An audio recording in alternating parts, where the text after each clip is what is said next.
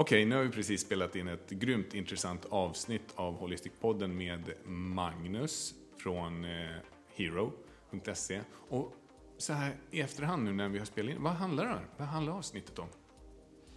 Men det handlar om, om hur vi skapar hållbara människor mm. eh, utifrån ett eh, psykologiskt perspektiv, mm. men, men också fysiologiska aspekter.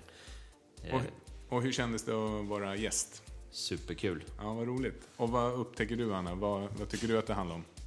Jag hörde att vi, vi gav oss ut för att prata om eh, hållbarhet mm. och helhet.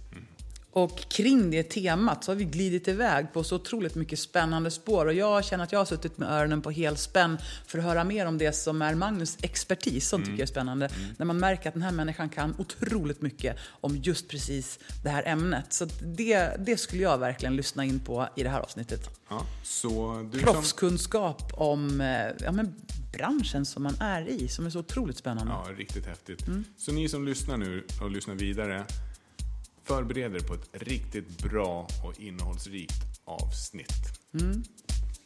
Five, four, three, two, one, zero. All engine running.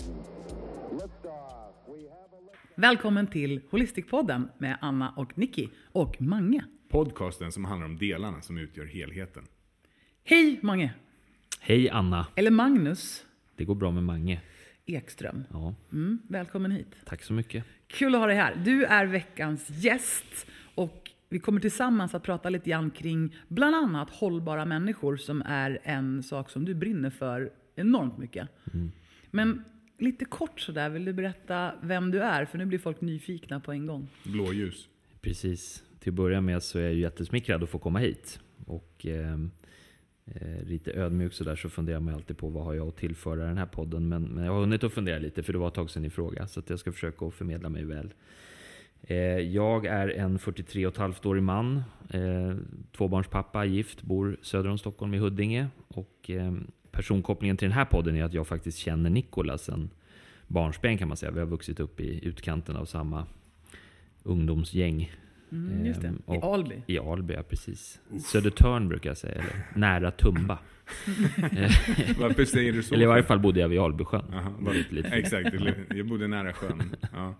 Det är viktigt va, när man väl känner till området? Kanske? Ja, jag vet. Jag, jag, jag brukar säga nu, jag är uppvuxen i norra Botkyrka. Jag tar det som en styrka istället. Det är alltså, faktiskt det är... lite coolt. Om man har kommit därifrån helskinnad så har man lärt sig väldigt mycket om alla sorters människor ja, och men kulturer. lite så, eller hur? Mm, street, fin take. Street smart. Mm. Eh, men jag minns, för att bara svara väldigt långt på en kort fråga då, så mm. minns ju jag eh, de samtalen som jag och Nicke hade på dagisgården eh, mm. uppe vid Albyskolan typ. vi var ju mm. två lite så sökande individer och, mm. på olika sätt. Ehm, och där börjar nog min, min utforskande resa. Sen, sen, har jag gjort, vi har gått lite olika vägar då. Så att mm kanske varit prestationsmänniskor på olika sätt. Då, men, men för mig handlade det om att jag hamnade tidigt i hemelektronikbranschen som 17-åring och jobbade där tills jag var 35. Mm. Eh, och därefter så valde jag att byta karriär eh, helt och hållet och, och hamnade i rekryteringsbranschen. Då. Inte som rekryterare utan mm. som affärsman egentligen. Då, mm. Att driva affären för numera två rekryteringsbolag. Då. Vilka är de?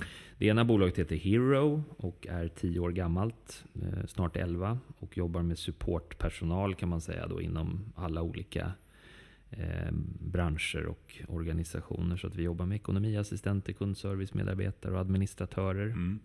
Eh, rätt så juniora profiler.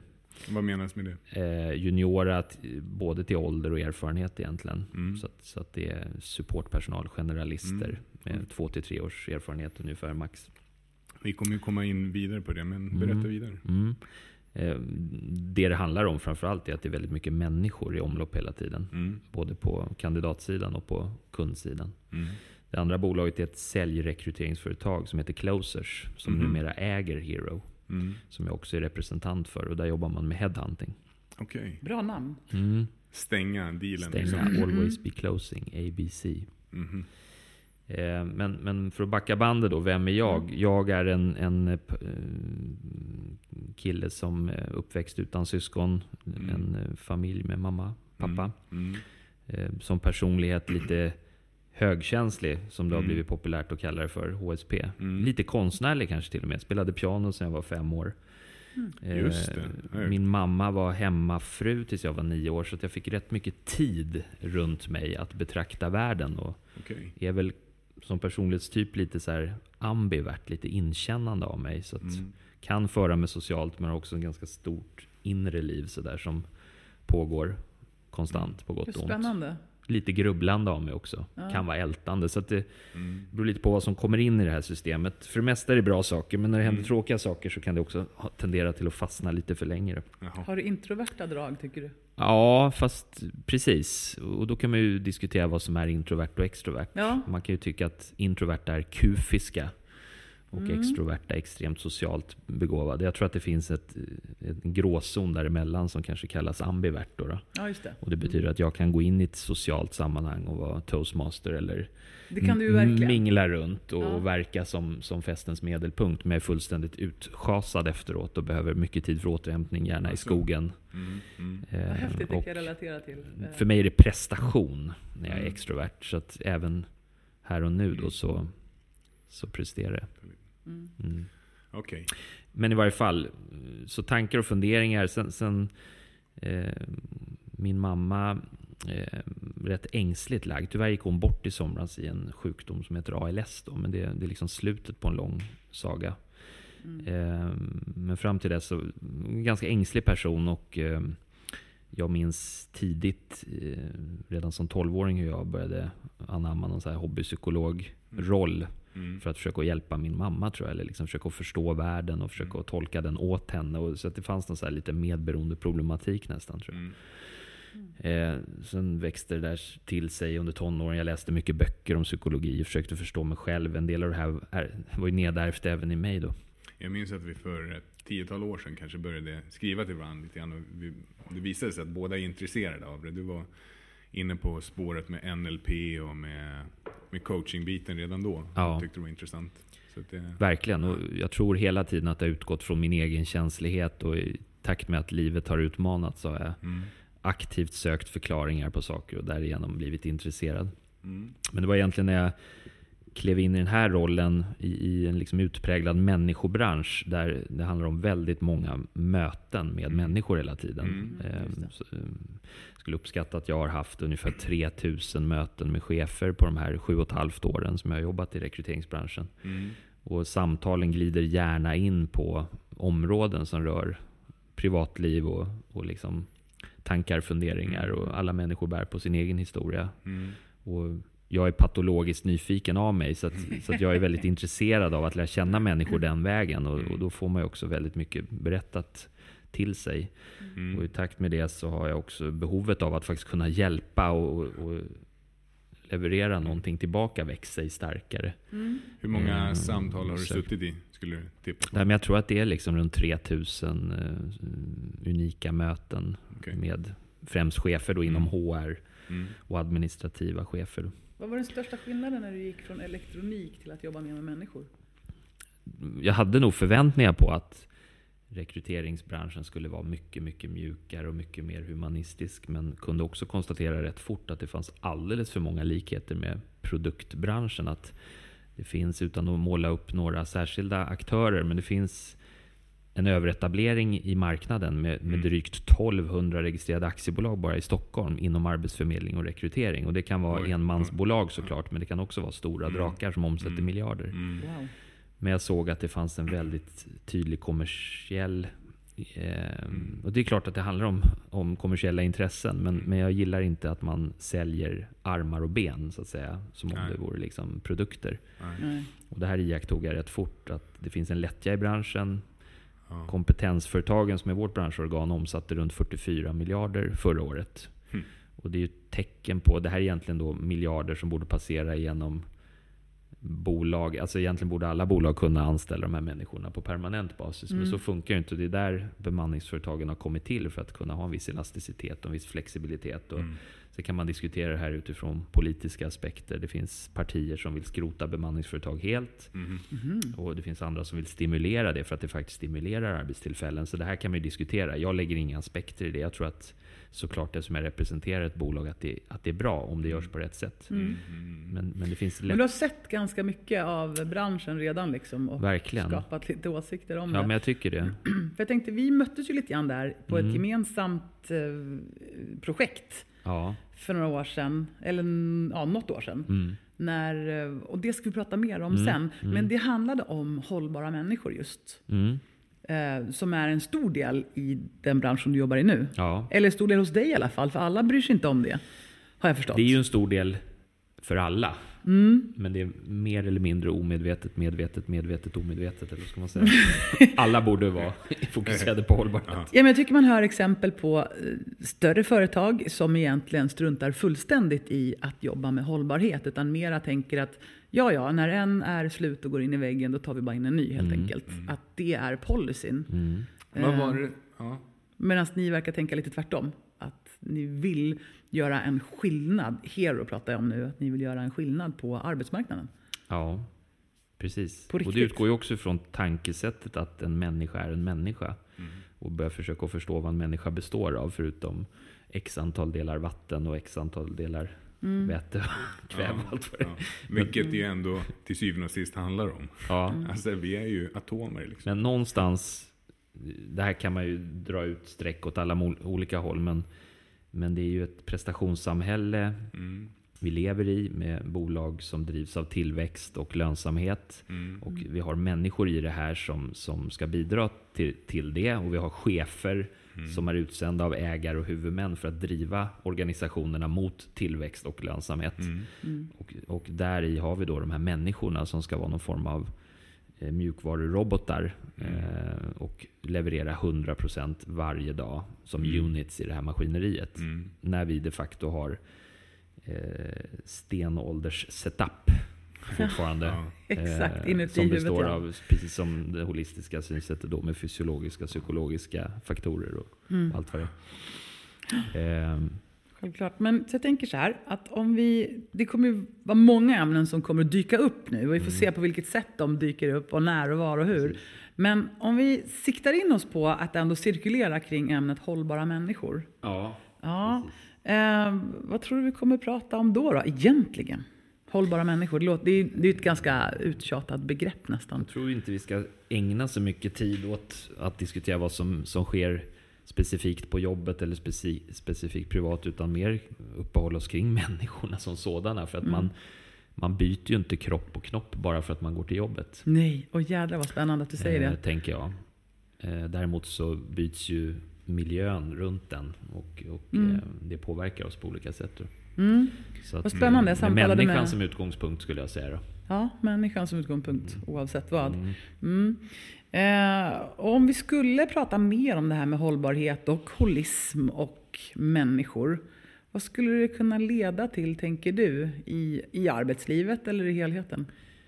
Jag tror att mycket av det vi upplever som pains idag eh, handlar om okunskap i grunden. Mm. Eh, det vill säga att vi har drivit oss själva i en riktning eh, utan att vara fullt medvetna om vad vi gör, varför och vad dess konsekvenser kommer att bli. Mm. Eh, nu börjar det komma upp för människor att, eh, att vi är människor och då kan böcker som är skrivna av Anders Hansen göra revolution så sent som 2019. Fast det egentligen handlar om saker som jag vet att det är flera hundra år. Ja. Visst är det Och det spännande? blir en aha-upplevelse och säljer slut på hyllorna. Vad tror du är orsaken till det då? Alltså grund... eh, Vad, vad är det som gör att det... Det där kan man också tolka på olika sätt. Alltså det, det har hänt rätt mycket under de här hundra åren. Vi har Mm. gått liksom snudd på från ett bondesamhälle till ett industrisamhälle, till ett IT-samhälle, till ett nätverkssamhälle. Mm. Och eh, eh, det har varit väldigt fokus på utveckling, teknisk utveckling, Mm. tekn- teknologisering, digitalisering. Mm. Människorna har försökt att sprungit ikapp med det här och nu är vi ju i en fas där det sker ett paradigm i princip när AI och teknik snart kan uppgradera sig självt utan människans inblandning. Det. Och då hamnar Mm. vi i ett läge där, där vi, vi måste liksom bestämma oss för, ska vi springa ikapp med tekniken eller ska vi låta den härja fritt? Mm. Eller ska vi lägga bann på den? Och det finns ju olika AI-forskare som allt från Google och Tesla-grundarna och, och liksom Max Tegmark och alla som finns på området som, som diskuterar vilken typ av regelverk som ska finnas kring artificiell intelligens. Okej. Jaha. Men vi är ju i ett, ett paradigm tror jag, där människan håller på att hamna i, i kläm mellan tekniken och ekosystemet. Och vi måste liksom bara bestämma oss om det vi, som ska hälsa eller- på djuren på Skansen eller om det är robotarna som ska hälsa på oss på Skansen. Fy fasen vilken framtid. useful idiots. Ja. Useful idiots. Ja, Okej, snyggt. Okej, men... Vad tror ni folk kan ta med sig Säg till om från... du ser en eh, röd tråd Anna, bara så kan du räcka upp en hand. En röd tråd? Är alltid- Ja, precis. Det är bra. Jag Men om vi famlar. går tillbaka till grundämnet Magnus. Nej, vi pratar lite grann, men vi, pratar, vi håller oss lite grann på, vi utforskar temat här. Ja, exakt. Och vi pratar lite grann om vad vi ska prata om och vad Mm. man kan förvänta sig. Eh, och jag tänker bara helt kort, liksom, är det något särskilt som vi behöver, som vi verkligen behöver komma ihåg att ta upp nu? Så vi inte missar det. Mm. Men är det några särskilda frågor som vi liksom verkligen måste ta upp här och nu? Ja, det är en bra fråga. Eh, nej, men jag tror vi ska snacka igång oss lite så får vi se om vi kan få... Jag tror vi kan nog knyta ihop säcken tids nog här. Mm, snyggt, det tror jag också. Mm, absolut. Tveklöst. Mm. Du är ju en makalös människa att träffa på, tycker jag. Eh, och ni som lyssnar, ni, ni får ju liksom inte se Magnus live, ni får bara googla på bilder helt enkelt. Bildgoogla. Eh, men du är ju en fantastisk människa att träffa som har en väldigt, väldigt stor och stark utstrålning och verkligen fyller ett helt rum. Jag vet att för två år sedan tror jag så satt vi på vårt första möte kring det här samarbetet. Och jag gick därifrån och skrattade och bara kände, fan vilken jädra kille. Eh, du kan ju prata mycket, det vet du ju om. och så brukar vi kalla dig för metaformästaren. Just det. Du är sjukt snabb på metaforer. Vi får se om det dyker upp några. Mm. Eller inte. Ja, tack för fina ord. Ja, jo men så är det ju. Och sen så dessutom när man får lära känna dig lite mer så kommer det andra till som en superkraft. Att du liksom känner av att du har en del av dig som är väldigt högkänslig. Ehm, och du pratar om de här bitarna som liksom bara adderar på liksom upplevelsen av en väldigt djup och eh, holistisk människa. Så om vi börjar prata lite grann om just helhet som du nämnde. Ja, precis. Vad är det för Bara dig? för att bemöta det du precis sa så tycker jag jag är både allergisk mot att undervärdera sig själv och övervärdera sig själv. Jag tror man bara ska försöka ta det för vad det är. Mm. Ja. De som lyssnar på den här podden kommer, vissa av dem ha åsikter också. Så här, men vem tror han att han är? Ja, Fast det var jag. det- Det, var, det här var det mina. var dina ord. ja, det var mina ord. Så det får stå för men mig. skitsamma, det är väl liksom upp till eh, betraktarens öga tänkte jag säga. Men, Mm. men för min del handlar det nog om en inre resa. Förlåt, vad var din fråga nu? Så min fråga var så här. För vi satt och pratade om att om Mm. vi pratar om hållbara människor, vad ska vi prata om då? Och då sa du att jag tycker det viktigaste av allt är det här med helheten. Mm. Att man är inte en människa på jobbet och en människa när man är hemma. Så sent som igår så pratade jag med en eh, klient, patient kan man säga, som hade lite funderingar kring att ja, jag skulle vilja komma hit och prata men jag tror inte att jag kan prata om jobbet och det har inte med jobbet att göra för det har med privatlivet att göra.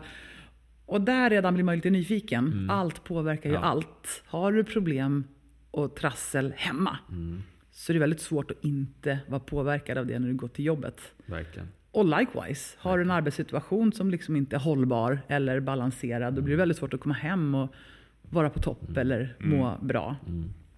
Vad var det ni såg i hela den här hero-processen?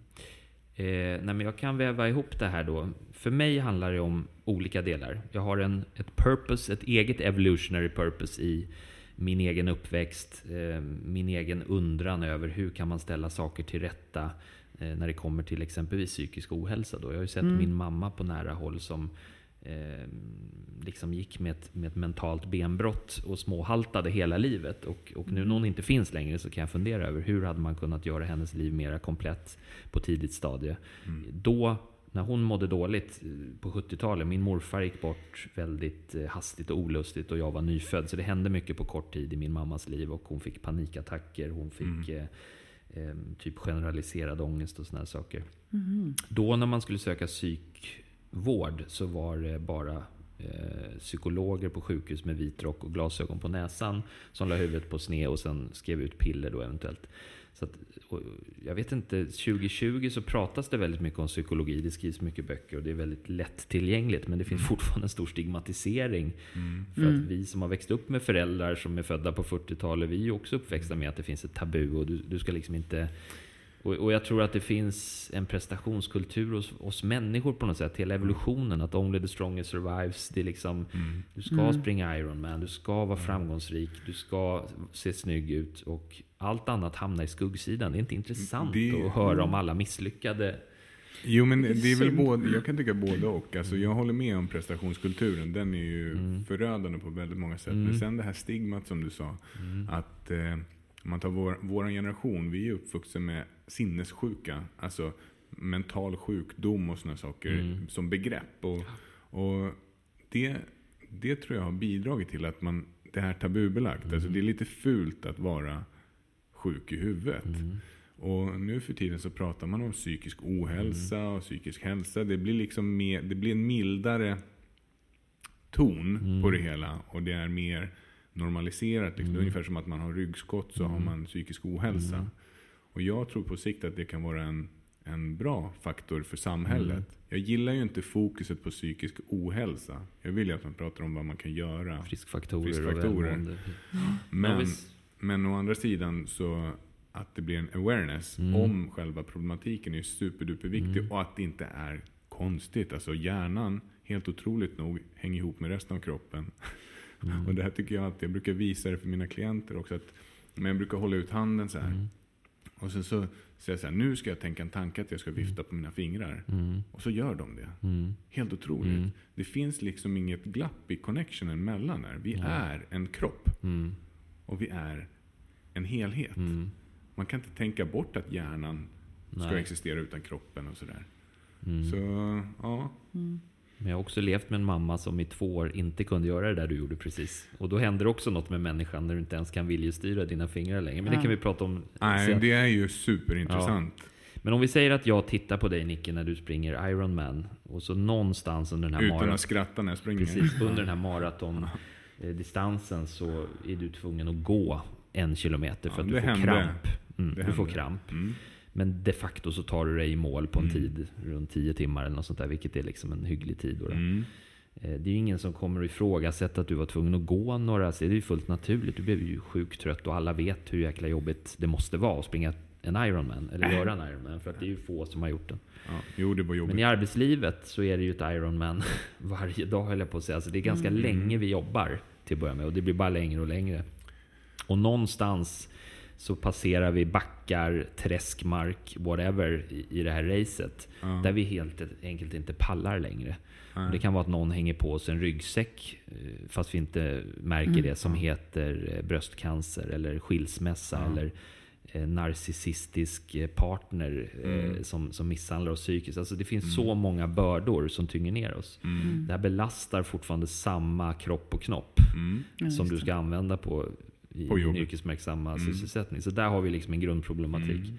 Sen har vi då tillbaka till prestationssamhället att vi, vi har bolag som hetsar mot tillväxt och lönsamhet. Mm. Och eh, vi har chefer som är en del av det här spelet som är ditsatta för att mm. eh, prestera mot de här resultaten. Så att säga. Och, och jag skulle vilja påstå att i varje fall i västvärlden så råder en ganska extrovert ledarskapskultur. Det vill säga att väldigt många av de chefer jag har jobbat med under åren har varit så kallade Donald Trump-chefer. Alltså mm. de har mm. blivit befordrade på grund av vassa armbågar, stora i käften, rovdjur, alfahannar. Som tillskansat sig mm. makt i princip genom herren på täppan. Det är som att leka herre på täppan i snöhögen mm. på dagis. Mm. Så när första man kommer upp så fiskar han upp sina starka polare och sen sparkar man ner alla de andra som är lite känsliga, kanske lite introverta, lite kalle bakom. Eh, I mitt huvud så finns det otroligt mycket kraft att hämta ur det mm. segmentet mm. Mm. av människor. Och, och balans. Jag, jag, tror liksom många av de problem vi ser idag är en effekt av att vi har levt i en, en kapplöpning. Mm. Vi har haft chefer som är tämligen oempatiska. Mm. Eh, många har psykopatiska drag. Men det passade ju när egoistiska. Det, var, det passade ju när det var industrialism. Liksom, industrialism då... du, du, driver en organisation som en fabrik ungefär. Du har en fabrikschef, du har linjechefer. Ja. De andra jobbar i rören. Mm. De vet vad som ska göras, Mm. i bästa fall hur, men de har ingen jäkla aning om varför. Nej. Det är de där uppe som har bestämt. Mm. När jag jobbade på, i hemelektronikföretaget On-Off så, så visste inte butikerna vad de på huvudkontoret hade bestämt eller varför, utan man bara gjorde. Mm. Och på huvudkontoret satt man och sa likadant. Att de här jävla idioterna i butik vet ju inte hur de ska sälja. Liksom. Så att det blev liksom ett gap där. Men, Mhm. Och i allt det här så liksom uppstår ett skav Mm. och en obalans. Mm. Och där går människor sönder. Ja. Mm. Och, och vad är svaret på liksom... Ja, jag, you tell me. Det är liksom 10 Ja, men- miljoners frågan. Men, Mm. men, men någonstans ligger det i att människor måste till att börja med förstå Mm. sig själva i ett självledarskap. Mm. Och det här har jag ju lärt mig massor genom er två. Som Mm. kan förmedla den holistiska läran. Mm. Vad var det som fick dig att gripa... För, för du sökte ju vår kontakt som Mm. Anna började berätta det Ja. för några år sedan. Och så sökte du kontakt med oss. Och så var det någonting i det holistiska synsättet som på något sätt slog an Mm. inom dig. Till att börja med, är ni, jag, känner, jag ser likheter som hur, jag själv har fungerat i er båda. Och ni har gjort enormt mycket, mycket research för att komma dit ni är idag. På vilket sätt menar du? Eh, nej men det här sökandet, att man har inte bara läst en bok och sprungit på den. Utan man har sökt i olika delar. Och sen på något sätt så har, har bilden klarnat med tiden. Ja. Från att man kanske inte såg skogen för alla träden så har det liksom Någonstans kommer man till en higher state of consciousness. Och, och för mig har det nog varit så också att jag har nog studerat de här delarna var för sig. Mm. Jag kom in i en period med sömnproblem redan för 15 år sedan. När jag helt plötsligt klickade sömnen. Och det blev en hang-up bokstavligen talat. Ja. Utifrån min tänkande hjärna så låste det sig totalt. Jag hade viktiga möten, jag hade resor. Jag, jag kände att nu måste jag sova utifrån ett prestationsbaserat perspektiv. Och jag var tvungen att gå ett varv runt jorden bokstavligen talat för att komma tillbaka till hur enkelt det är att sova om jag bara ger fan i att lägga mig i. Det vill säga låt sömnen komma av sig själv som en effekt av avslappning. Ja. Aha. Jag tänkte så att om jag bara spänner mig tillräckligt nu så somnar jag. Och jag försökte beskriva det ungefär som när du ska dyka, men du har såna här flyttuber på ryggen så Ja. bara flyter upp till ytan hela tiden. Liksom, jag vill bara komma ner till botten och plocka upp de där sjöstjärnorna, men jag, jag bara flyter upp. Ja. Så kändes det när jag skulle gå och lägga mig. Så jag låg liksom och bara stirrade rakt ut så här natt efter natt och jag kunde nolla två nätter i rad. Liksom. Vad Jag hände gick med dig då Som då? The Machinist, du vet, och Ja. bara såg så här. Maskinisten är som jag sagt att jag tycker du borde Med Christian se. Bale. Med Christian Bale. När han Det är någon som kör en hänga gubben-lek med honom på kylskåpsdörren varje natt. Och han, Eh, varje morgon när han kommer upp så är det ett nytt streck draget och han och blir helt... undrar vem som har gjort det här. Men berätta vad du lärde dig, för just det här med sömnen Ja. är någonting som många Ja. eh, drabbas av. Ja, men jag gick in i en, en sån liksom käftsmäll där och eh, en person som inte är en tänkande individ löser det där per automatik. Men jag, jag var tvungen att borra mig igenom sömngåtan då genom att läsa böcker och, och liksom googla. Och, och jag lärde mig allt om sömn. Allt ifrån de fysiologiska faktorerna till de mentala faktorerna. Och summan av kardemumman var nog att förutom liksom basic sömnhygien, svalt i sovrummet, inte äta för sent, inte dricka, ni- dricka nikotin, inte dricka kaffe och koffein. Eller så, här. Eh, så när det kommer till det kognitiva, eh, utöva någon form av liksom, eh, acceptans för att sömnen kommer när den, när den känner för det. Och Okej, att, Så istället för att ligga och spänna liksom och tänka nu måste Ja. jag sova, så gjorde du, vad gjorde du istället? Sömnen är ju för det första det är självreglerande. Det finns ju vissa saker som är autonoma i oss. Andningen behöver du inte heller lägga dig i. Nej. Men det gjorde jag när jag var liten. Och då fick jag helt plötsligt svårt att ta djupa andetag för jag blev så spänd. Så, här. så jag har haft lite sådana Okej. buggar. Du låter ju som en superkomplicerad människa. Ja, exakt. Det är helt korrekt Nikola. Du, har tänkt, du har tänkt en del. Välkomna till Komplexpodden. Liksom. Jo, men det är ju det. Alltså, bakom allt som kan uppfattas som lite konstnärligt eller så, så gömmer sig en jävla massa ångest. Liksom. Mm. Tar de flesta komiker eller artister, eller hälften har tagit livet av sig och hälften lever med ångest. Liksom. Ja, ja Så- så är verkligen. Jag tänker på Robin Williams inte minst. Ja, eller Avicii eller vem som helst. va? Ja. Så, att, så att ur ångest så föds ju kreativitet. Det är varandras liksom, motpoler eller yin och yang. Lite. Vad, vad heter den här filmen med Jim Carrey när han spelar en Ja, han spelar Andy. man in the moon eller någonting sånt där? Ja, inte Truman Show. Mm. Nej, nej, nej. nej. Mm, Väldigt eh, speciell. Ja, men där är ju Men där du ytterligare en väldigt ångestfylld person som har lärt sig en hel del genom att... Jim Carrey. Ja. Fantastisk. Men, men bara för att knyta an till den här holistiska findingen som jag tycker... Det var ju där poletten trillade ner då. Men, men liksom sömnen i sig blev ju en issue. Jag kom till rätta med det.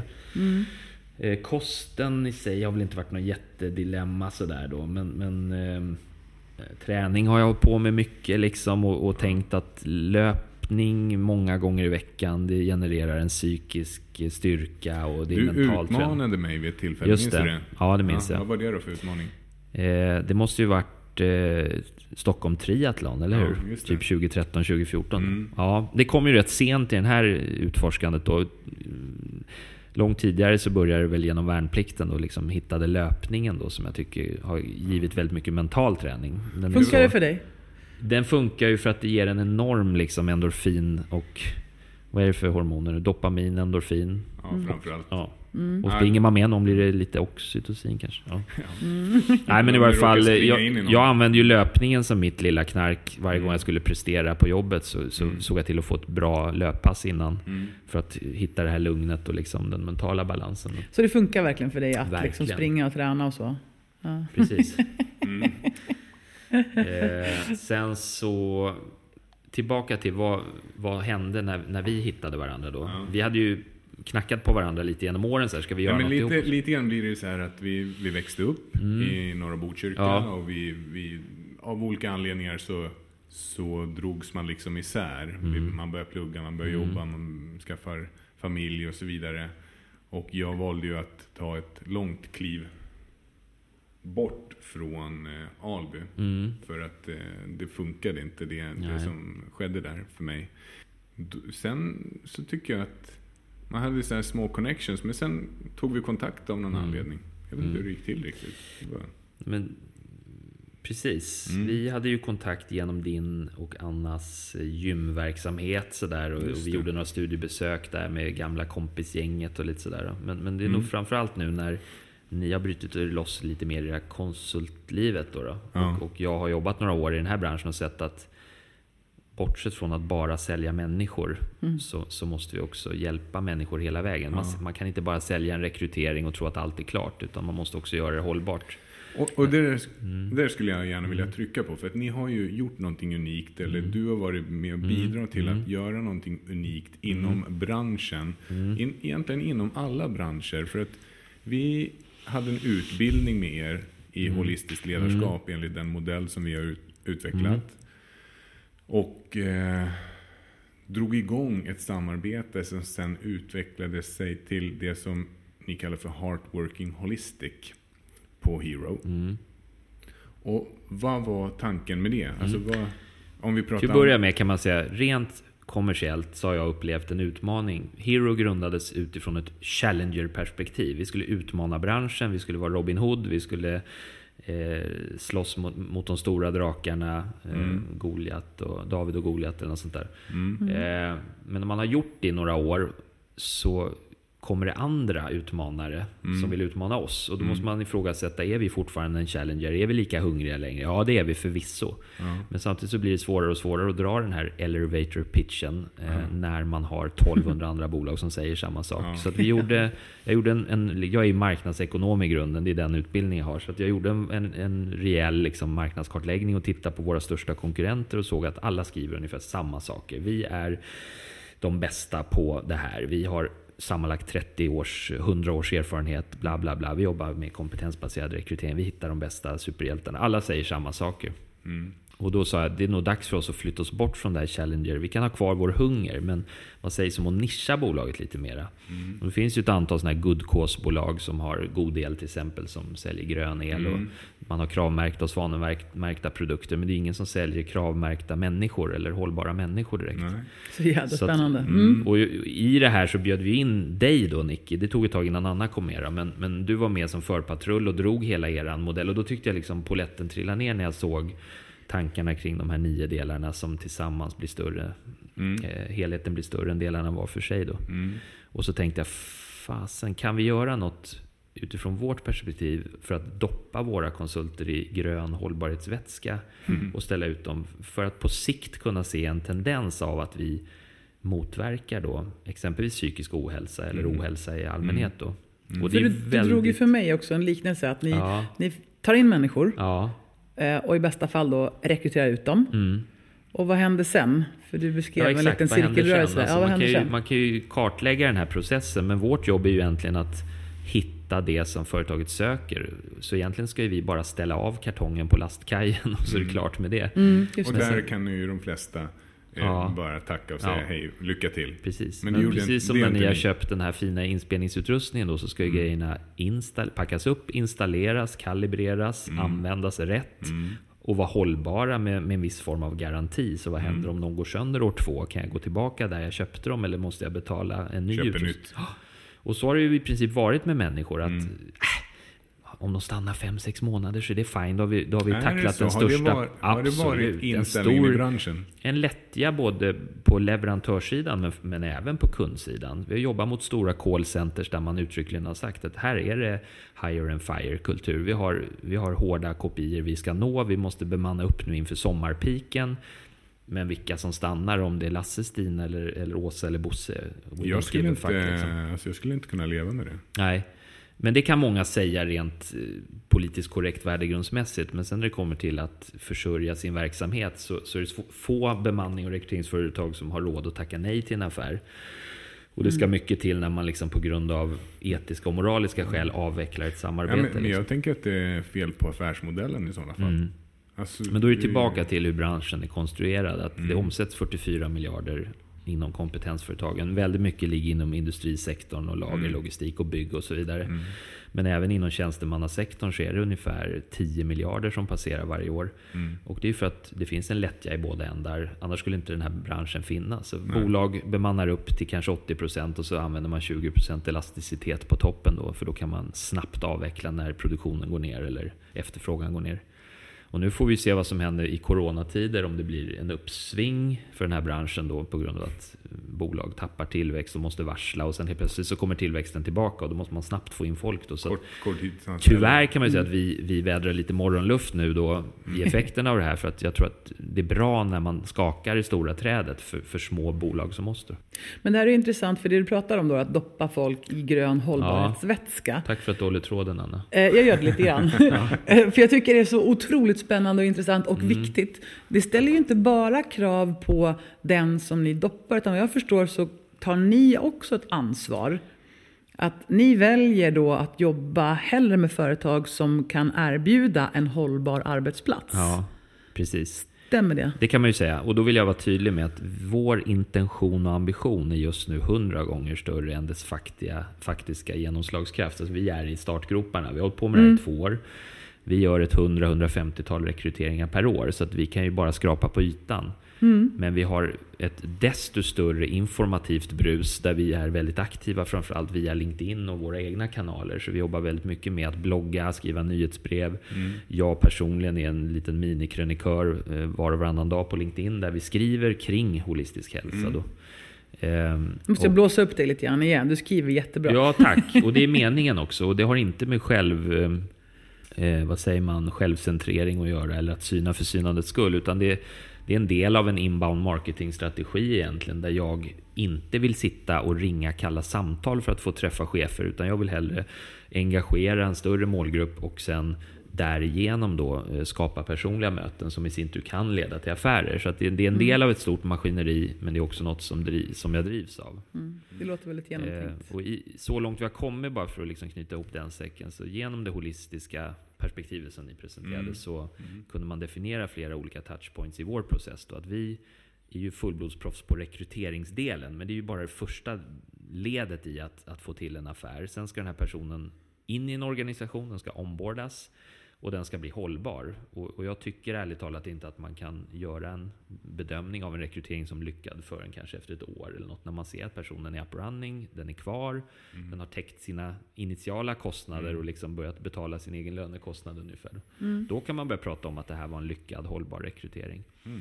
Och där måste vi hitta liksom incentives efter vägen. För att, och, och där har vi också samarbetat mer. Nu har inte vi kommit så långt i det samarbetet. Just att, att gå ut tillsammans med er och, och liksom, eh, föreläsa för organisationer. Och så här. Men vi jobbar ju lite på varsina Ja. håll fortfarande där. Men, men jag kan tycka att en sak som ni har kommit långt med, det var ju så att vi skapade ju en eh, holistisk internutbildning och, Ja. alltså, åt, tillsammans med er. En e-learning-portal kan man säga. Då. Ja, en e-learning-portal Mm. där era anställda får då gå en liten miniutbildning i holistiskt ledarskap. Just det. Och det är ju verkligen att eh, göra någonting annorlunda. Verkligen. För det, Och då är vi egentligen tillbaka till det som jag tycker är grundproblematiken i vårt samhälle. Varför har man inte KBT eller kallar det hållbar medmänsklighet som ett grundämne i skolan? Alltså varför Ja. lär man inte våra eh, lågstadieelever idag att förstå den här holistiska balansen? Ni pratar om det här bordet som ska stå stadigt på alla ben och så. För jag tror fortfarande att det råder en total förvridning. Många är ju när jag jobbade i hemelektronikbranschen då sprang varenda chef maraton. mm, Men det var ju på bekostnad av att de inte såg sina familjer. Eller att de åt skrivbordslunch på 20, på 20 minuter och liksom gick med halvt magknip resten av dagen. Men de hade fruktansvärt bra tider på, på milen och på halv, halvmaran. Liksom. ja, Eh, Ja, och- vad roligt. och Och det är ju inte dåligt liksom. Det är ju det är bra, men det är ju Ja. precis det där att man plockar en Men tårtbit. jag tycker då tagga ner det där motionsmålet till 70% och se till att väga upp de andra så att du hinner med det där glaset vin med, med polarna på kvällen och sen hem och kolla serier med familjen och, och prata med dina barn. Och, Och där skulle man vilja se en förändring. Därför Mm. jag tror att om man, om man ens börjar prata om hälsa och eh, friskvård på jobbet, då tror Mm. jag många tänker just, jaha, då är det stegtävling, nu ska vi motionera. Mm. Ja. Men att det handlar om så sjukt mycket mer Ja. än det. Ja, och det var ju det som, och det är ju liksom själva grundtanken med det här Mm. helhetstänket, att det är inte bara fysiologi. Alltså det är ju ofta, när, Mm. precis som du säger, när folk pratar om hälsa så blir det stegtävling, det blir prestation och det blir Fruktkorg. fruktkorg här, liksom, det, det är den fysiologiska biten. Ja, men som Mange sa, att hinna med ett glas vin med polarna på kvällen, det är också hälsa och Men det är friskvård. det. det, är det.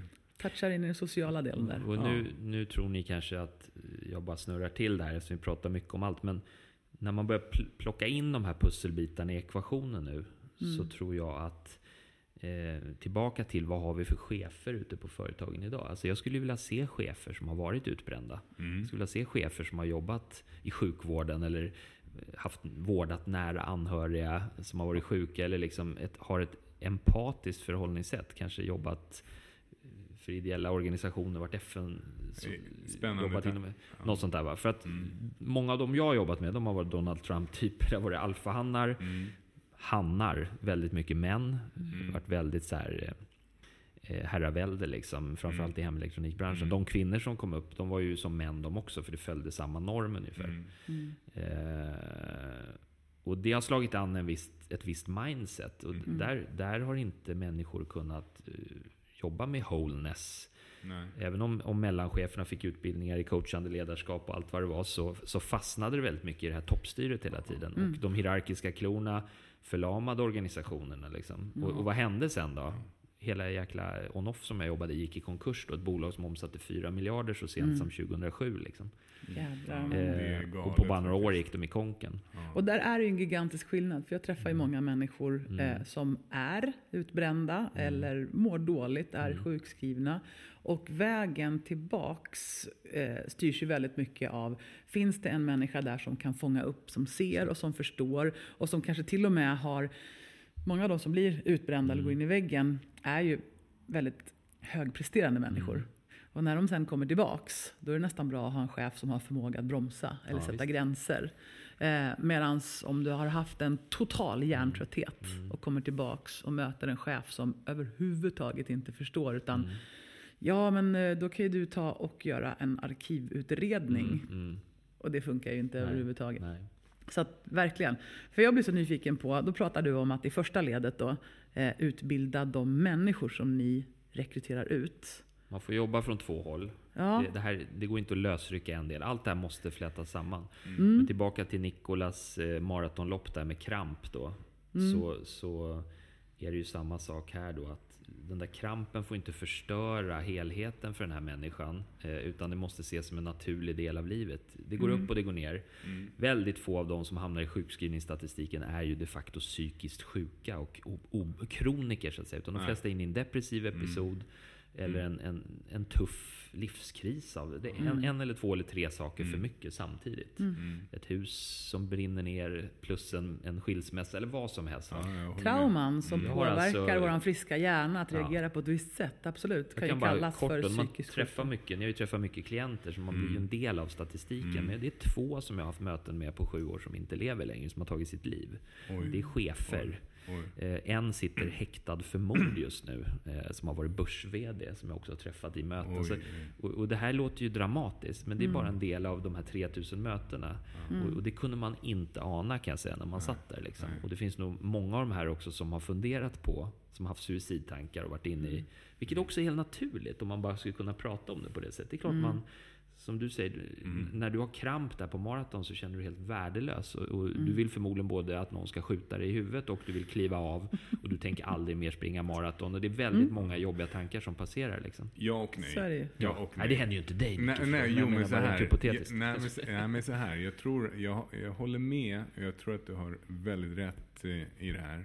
Eh, Jag tänker också att det har med att göra med vad är din grundprogrammering? Mm. Jag kan ju, jag fick, om vi tar mig då som en metafor igen. Jag Mm. fick inte så mycket kramp men det gjorde jävligt ont under fötterna framförallt. Hade Mm. nio blodblåsor under varje, varje fot, eller Mm. det var åtta. När jag kom i mål. Jag var tvungen att stanna, jag var tvungen att gå emellanåt. Men jag tänkte aldrig att jag var värdelös. Mm. Nej. För jag kände så här. Här springer jag Ironman. Mm. Och jag springer min första maraton dessutom just nu. Och det är ont. Det är sjukt jobbigt. Jag har ingen lust att göra det här igen just nu. Men jag ska gå i mål. Men Alltså, då har du förmodligen kommit rätt långt i din personliga resa med vad, vad det gäller prestationsbaserad självkänsla. Att du vet att du är värd något, även om prestationen varierar. Just Men hade på det varit den några år tidigare så kanske det varit mycket mer smärtsamt. Ja. Men också det här med tydligt mål, tänker jag. Ja. Det fanns en målgång och Ja. det fanns ett, ett why som var väldigt Ja. starkt. Om jag går i mål, Mm. där är målet, då kommer mitt why att uppfyllas. Jag kommer bli så jädra Mm. nöjd och glad. Men på en Ja. arbetssituation, då kan det vara det att du har alla de här blåsorna och krampen och smärtan och du har ingen aning om vart målet är. Nej. Och om du ens får gå i mål och vad händer då? Får jag en belöning eller får jag ingenting? Mm. Och jag håller med dig Anna. För det, det här whyet. Vi pratade lite innan vi började podda. Så pratade vi om det här med syfte och lite grann om vilka värderingar man har som styr en. Och, och väldigt mycket så är det precis det där att om det inte finns ett tydligt syfte.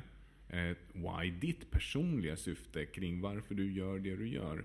Då är det ju lättare att hamna i den där fällan. För då kanske man kommer till det där läget att man börjar fundera. Vad är meningen med allting överhuvudtaget? Och så kanske det går riktigt illa. Ja, för ett why kan ju vara så starkt. Om vi tittar på religiös fanatism till Ja. exempel så är man ju beredd att spränga sig själv anytime. Ja. Bara man tror på det. Otroligt Så motiverande. Det, lägger inga värderingar i det utan bara tankens kraft. Men, men ehm, tillbaka till, och då kan man ju komma in lite på det här med ansvarsfrågan. Vi, vi tar då arbetsplatsen som ett exempel. Så har vi ju två Mm. komponenter. Vi har arbetsplatsen med dess företrädare i form av chefer. Då, då. Och sen har vi arbetstagaren Mm. I form av människa. Och någonstans uppstår den här psykiska ohälsan. Den kan uppstå hos medarbetaren eller chefen, men det är ju människor båda två.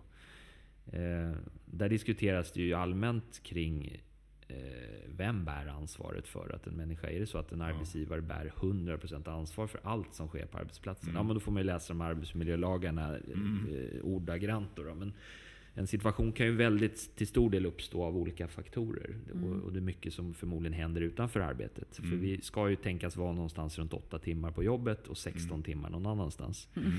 Och, och där har man ju påpekat då att många människor har ju felaktiga copingstrategier. Man har ett undvikande beteende i, i sig eh, som gör att man gärna skyller ifrån sig. Jag blev utbränd. Ja. Alltså man pratar om det som, som man blir utbränd när man jobbar här. Man, man, man. Så här.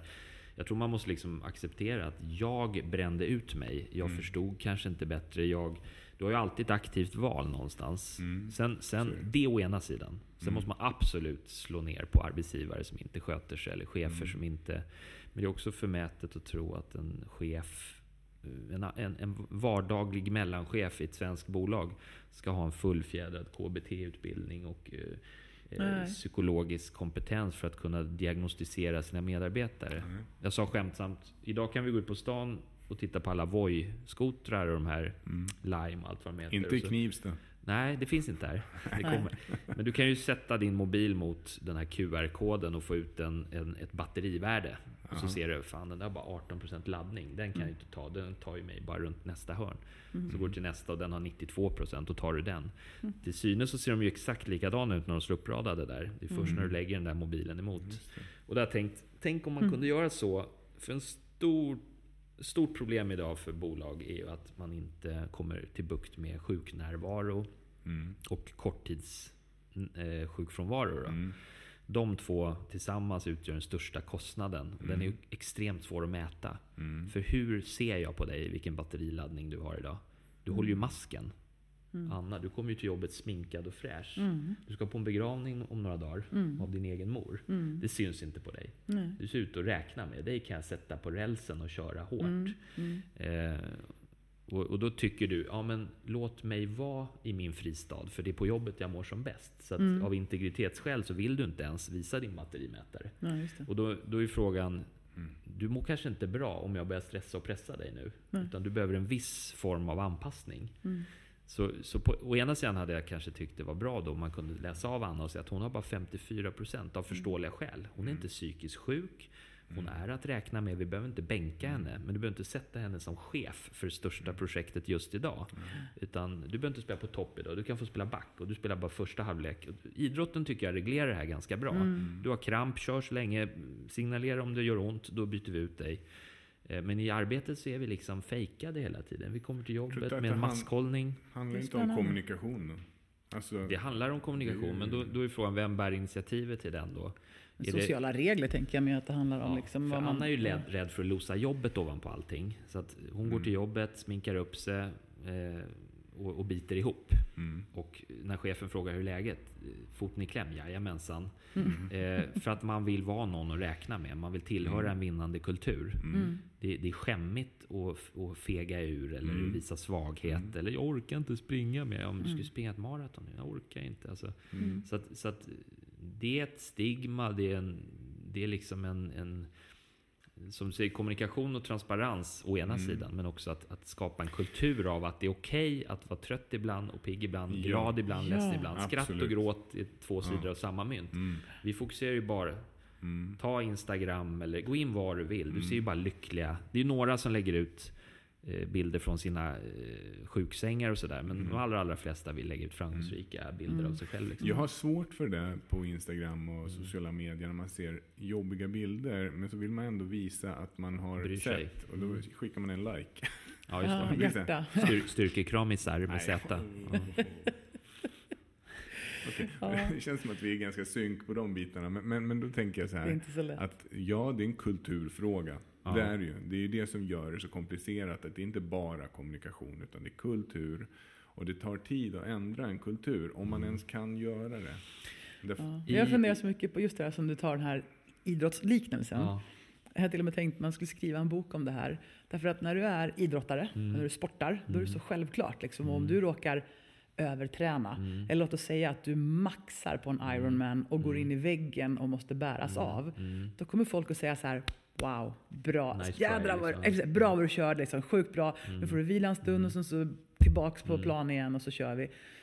Men på arbetslivet, Mm.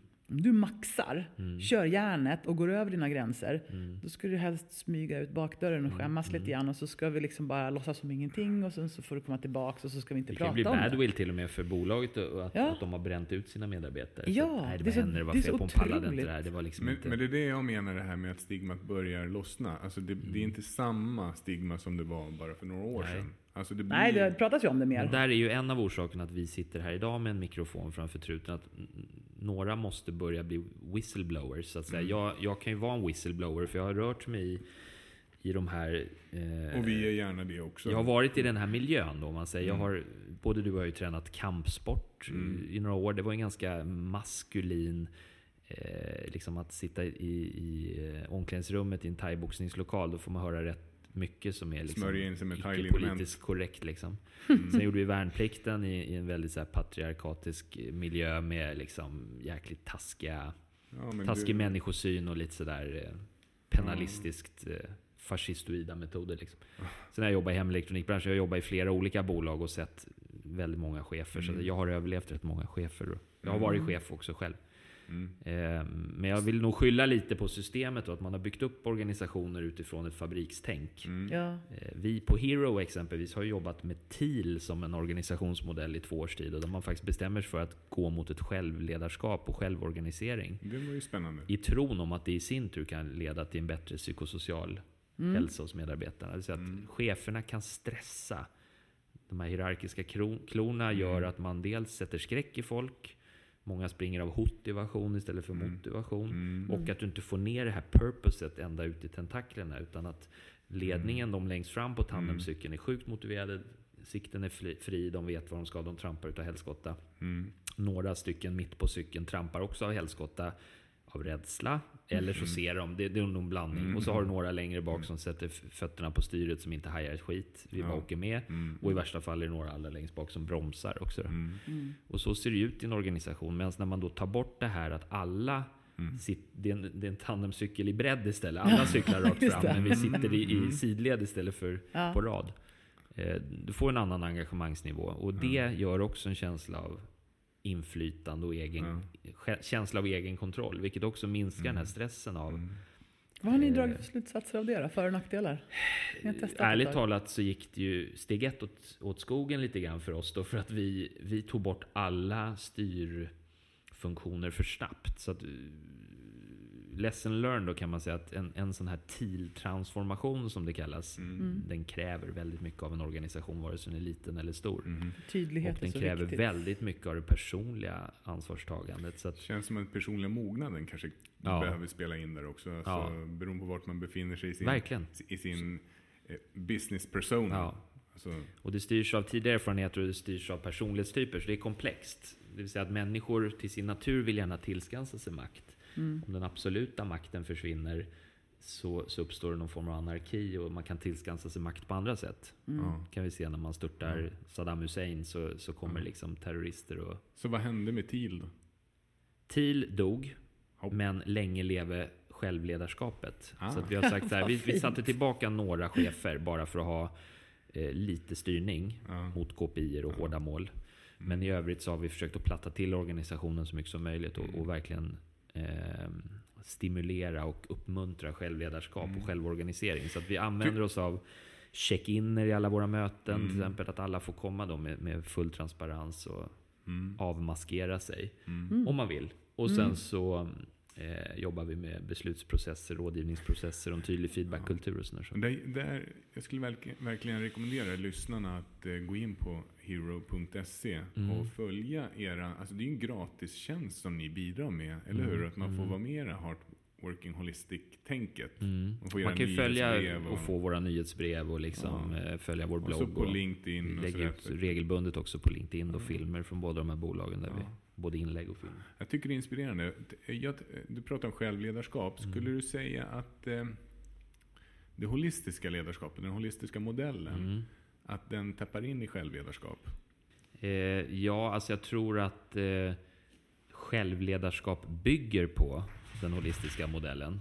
Mm. Faktiskt. Mm. Så, så tillbaka till frågan, hur, hur får man rätt sida på och- f- bolag och organisationer idag? Så, så skulle jag ju vilja se chefer som har gått den holistiska skolan och livets hårda skola också för den delen.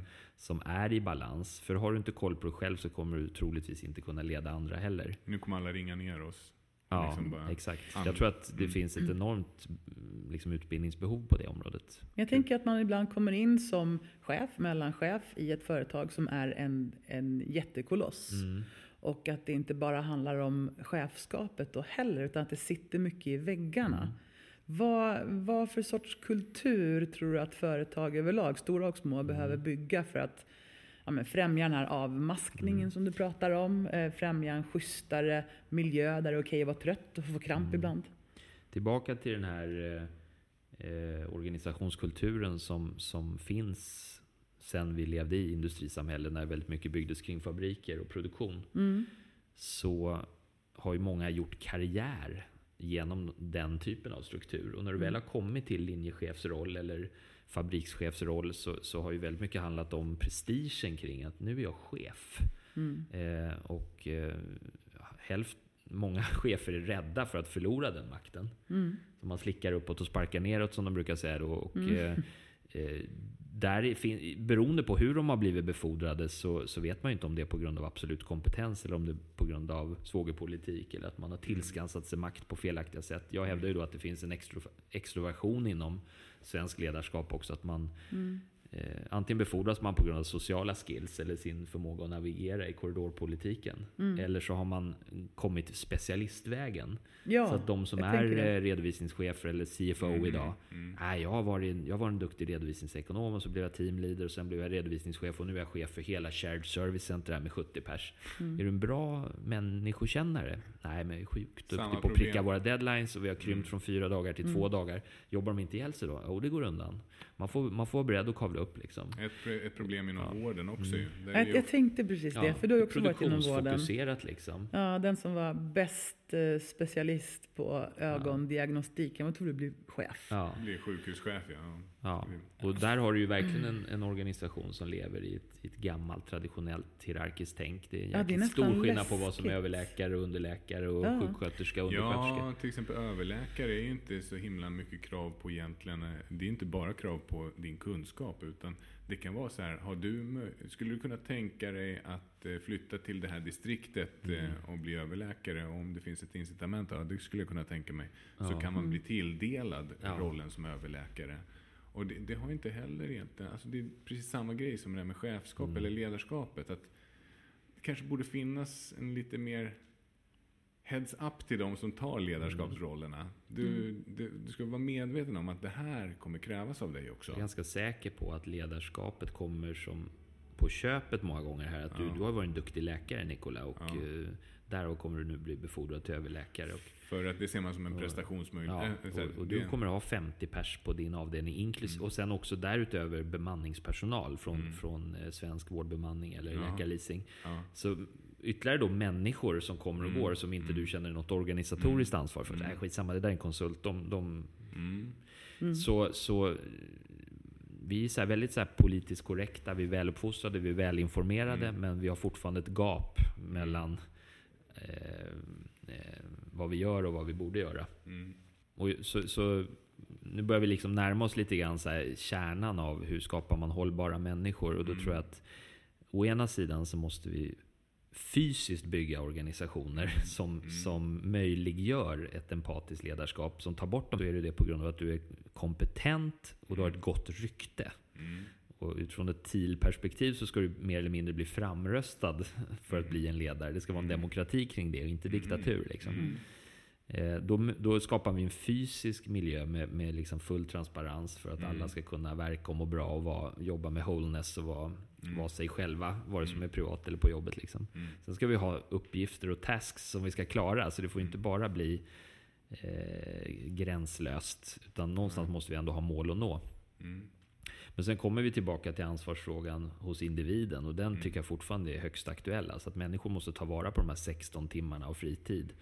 Eh, Mm. Du kan inte sätta dig på lokalpubben och dricka åtta bärs efter jobbet varje dag och sen gå hem och, och klämma en chipspåse framför eh, Sportspegeln. Utan du måste någonstans tänka till utifrån hur sover jag, hur äter jag, hur tränar jag. Mm. Så att säga, i, I grund och botten handlar det om förmågan att alstra energi, eller hur? Ja. Jag brukar prata om livskraft. Mm. Alltså den här livskraften, vart kommer den ifrån? Ja. Det är ju energi. den kan ju inte bara tas för given. Liksom, Nej, som men en, vad, vad, är, vad, är, den- vad är den skapad av? Mm. Vad är energi? Och om man då föreställer att ja, men jag vill, om jag skulle ha mer energi än vad jag har just nu, vad skulle bli möjligt då? Mm. Det. det. är en vanlig fråga som vi ställer. Ja. Och då svarar de allra flesta på, på just den biten. Mm. Ja, men då skulle jag kunna göra mer av det här, mer av det här, mer av det här. Kanske inte skulle bli så stressad och så vidare. Ja, och hur, stämmer det väl, hur väl stämmer det överens med din livsstil just nu? Just det. Ah, ja, det, det. Instinktivt så vill vi gärna få utan att ge. Vad det än gäller, eller hur? Och det gäller ju även energi då. Att Mm. om jag hade, fick lite bättre kondition så skulle det gå så Mm, mycket bättre. Mm. Eller om någon kunde Så. servera mig lite Mm. nyttigare mat. Och där är ju säkert eh, gemene man i vår så att säga, bortskämda västvärld ganska inlärt hjälplösa många gånger. Att man Mm. förväntar sig att få Mm. saker serverat. Det gäller ju Mm. även på en arbetsplats. Kanske. Så vilka är, eftersom du lyfter frågan, vilka är dina starkaste liksom, tips på att skapa hållbara människor? Då? Mm. Jag tror att det här måste upp på bordet på daglig basis. Och vi måste jobba med människan i centrum. Hur menar du då upp på bordet? Vi måste prata om människan i centrum varje dag utifrån alla olika perspektiv. För det här är komplext Mm, mm. och allting rör på sig hela tiden. Och människor ska Mm. också samverka med andra människor i grupp. Så att vi förändras beroende på vilken grupp, vilket Mm. sammanhang, vilket kasam vi befinner oss i. Liksom. Mm. Eh, men men eh, jag tror, i mitt fall i varje fall, så handlar det väldigt mycket om att fortsätta min, min eh, hobbyforskning eh, parallellt med att jag faktiskt kommer gå en coachutbildning till hösten också på, på Gothia Akademi. Då, som, som, på tips av dig bland annat, då, som, som Ja. jag har förstått är väldigt liksom, anrik och väl... Gothia Akademi, ja. Mm. ja. Gothia Akademi som både jag och Anna har gått eh, vidareutbildningar inom coaching Mm. hos eh, är ju by far ett av Sveriges eh, absolut bästa företag när det Mm. kommer till utbildningsföretag kring coaching. Mm. Det skulle jag våga Mm. påstå. säga. Det är ju ett av de få som är akkrediterade upp till mastersnivå också Mm. via ICF hela det. vägen. Så att du kan gå hela långa skolan till Master Certified Coach. Jag tror att behovet kommer vara oändligt och Mm. eh, jag gör det för att lära mig Mm. i första hand och sen Mm. så kommer jag vilja praktisera det i kombination med det andra. För att idag träffar jag chefer, Mm. HR-chefer till stor del. Och just rekrytering har en väldigt liten del av deras agenda på Mm. årsbasis. Det är väldigt många andra delar Mm. eh, som handlar om organisation och ledarskap och sådana Mm. saker. Eh, dessutom är HR ibland man säga, HR kan befinna sig i en utmanande ställning själva i en organisation ibland. Där det är ägarledda bolag, väldigt kommersiellt drivna, Mm. där man egentligen Mm. styvmoderligt behandlar HR. Ibland sitter inte ens HR i ledningsgruppen fast det är jättestora bolag och så. Och HR om någon är ju ambassadör för arbetsmiljö och Ja. psykosocial hälsa på arbetsplatsen. Så om Ja. det inte finns en HR som får, får leva ut de frågorna, vem tar då hand om Ja. personalen? Men det är väl för, för det är ju ganska mycket begärt att just den här ekonomidirektören ska Mm. ha en fullfjädrad KBT-utbildning. Mm. Om du har ett gäng medarbetare som är helt slut för de inte sover och inte rör på sig och inte tränar och inte äter ordentligt. Men ska ha den kognitiva förmågan att ta in nya processer och eh, nya datasystem. Hur går det? Mm. Vad tänker Jag- du om jag- det? Nej, men jag tycker människor är töntiga många gånger och det blir lätt att vi samlas kring modeord. Och, eh, generellt, jag har varit på så många såna här workshops och, och teambuilding-övningar där man liksom Mm. Det blir en, en kumbaya-stämning och man samlas kring såna här modeord och värdeord och så sätter man upp saker. Och så jag Ja. säger det blir som en lösnäsa eller en reklamtiger, en papperstiger eller något sånt. Så, Ja, Kejsarens nya kläder lite Ja, grann. det viktiga här är ju att, att walk the talk. Och, och Ja. det får jag ju också brottas med. Om jag nu sticker ut hakan och börjar prata om de här frågorna så är det ju Mm. en del såklart ur mitt gamla liv som tycker, vem fan är han som sitter och babblar om Mm. det där? Hur, hur fan har Mange hamnat i det där? Han vet ju inte ett skit om det där. Och så, så är ju vi människor. Vi vill gärna syna och, Mm. och liksom ifrågasätta. Och, och, Mm. Men sen finns det plötsligt någon, någon puckel där när någon kommer över den passagen. Då börjar folk följa. Och då blir man en influencer och sådär. Ja. Men sen finns det liksom eh, något nördigt i det där med att vara en influencer också. Så jag, jag lägger ingen värdering i varken det ena eller det andra. Utan, eh, jag, jag är själv bara koncentrerad på att försöka att göra saker och, och inte snacka eh, tomma ord. Och att, med mål att kanske lämna ett legacy Mm. den dagen man lämnar den här planeten. Mm. Att man har fått igång en rörelse som Mm. fortsätter efter min Mm. död så att säga. Mm. Och eh, det här är ju något som behövs. Vi lever på en planet med människor. Eh, men människor blir allt mer fridlysta allt eftersom Mm. den teknologiska utvecklingen accelererar. Mm. Och man kan tänka sig i ett framtida perspektiv att vi lever på en planet tillsammans med AI och robotar. Mm. Och då måste människan vara hållbar. För en AI-robot vet inget annat än 1 och 0. Nej. Den tar inte hänsyn till människor som inte pallar. Alltså en robot får inte kramp. Utan den, den köttar på. Så Ja. att vi kommer behöva se över vår hållbarhet och definiera vad som är våran Mm. eh, del av liksom, Mm. eh, den här planeten. Mm. Men när man pratar om hållbarhet, då, Mm. vad handlar det om egentligen? Alltså, om man kan skala ner det ordentligt. Mm. Hållbara människor, vad Mm. är det?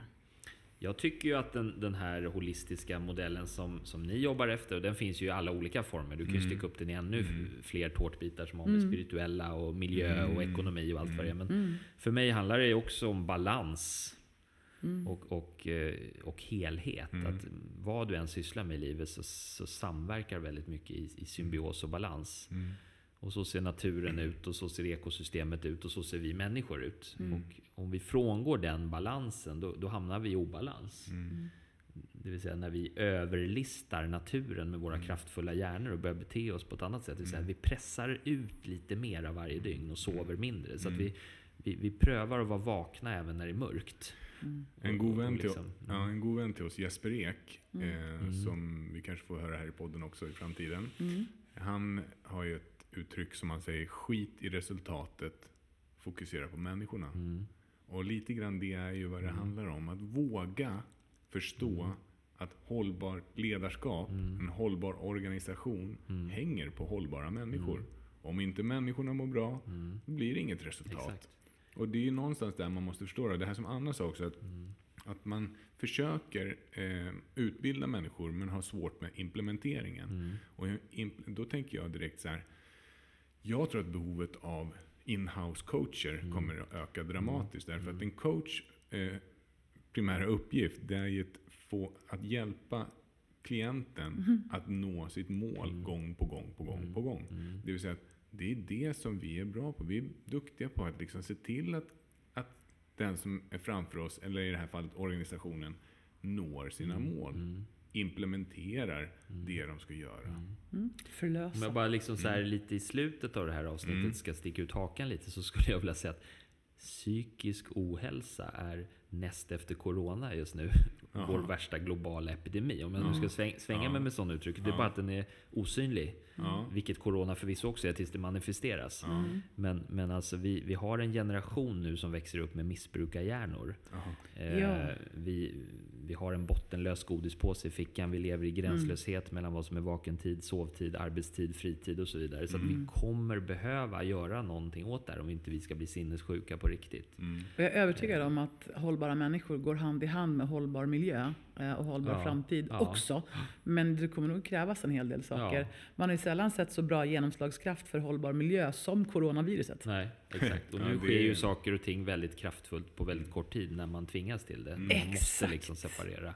Ja. Men, men eh, mycket av läran som ni lär ut och som, Mm. som många andra lär ut kring hållbarhet är ju basics. Ja, det är ju. liksom gå Ja. tillbaka till naturlagarna och Mm. studera dem. Mm. Och det här kan du ju läsa om i buddhistiska skrifter eller vad som helst. Men vi har tappat det där någonstans och sprungit ifrån oss själva. Ja, men alltså det är ju det det handlar om väldigt mycket. Och formholistik handlar ju mycket om att förenkla. Ja. Ja, Alltså verkligen. gör det Gör det enkelt. begripligt. Alltså gör begripligt och förenkla. Ja. För det är det. Ja, Det är det som är grejen. Det är det enkelt. är enkelt. Yes. Det betyder inte att det saknar eh, bett.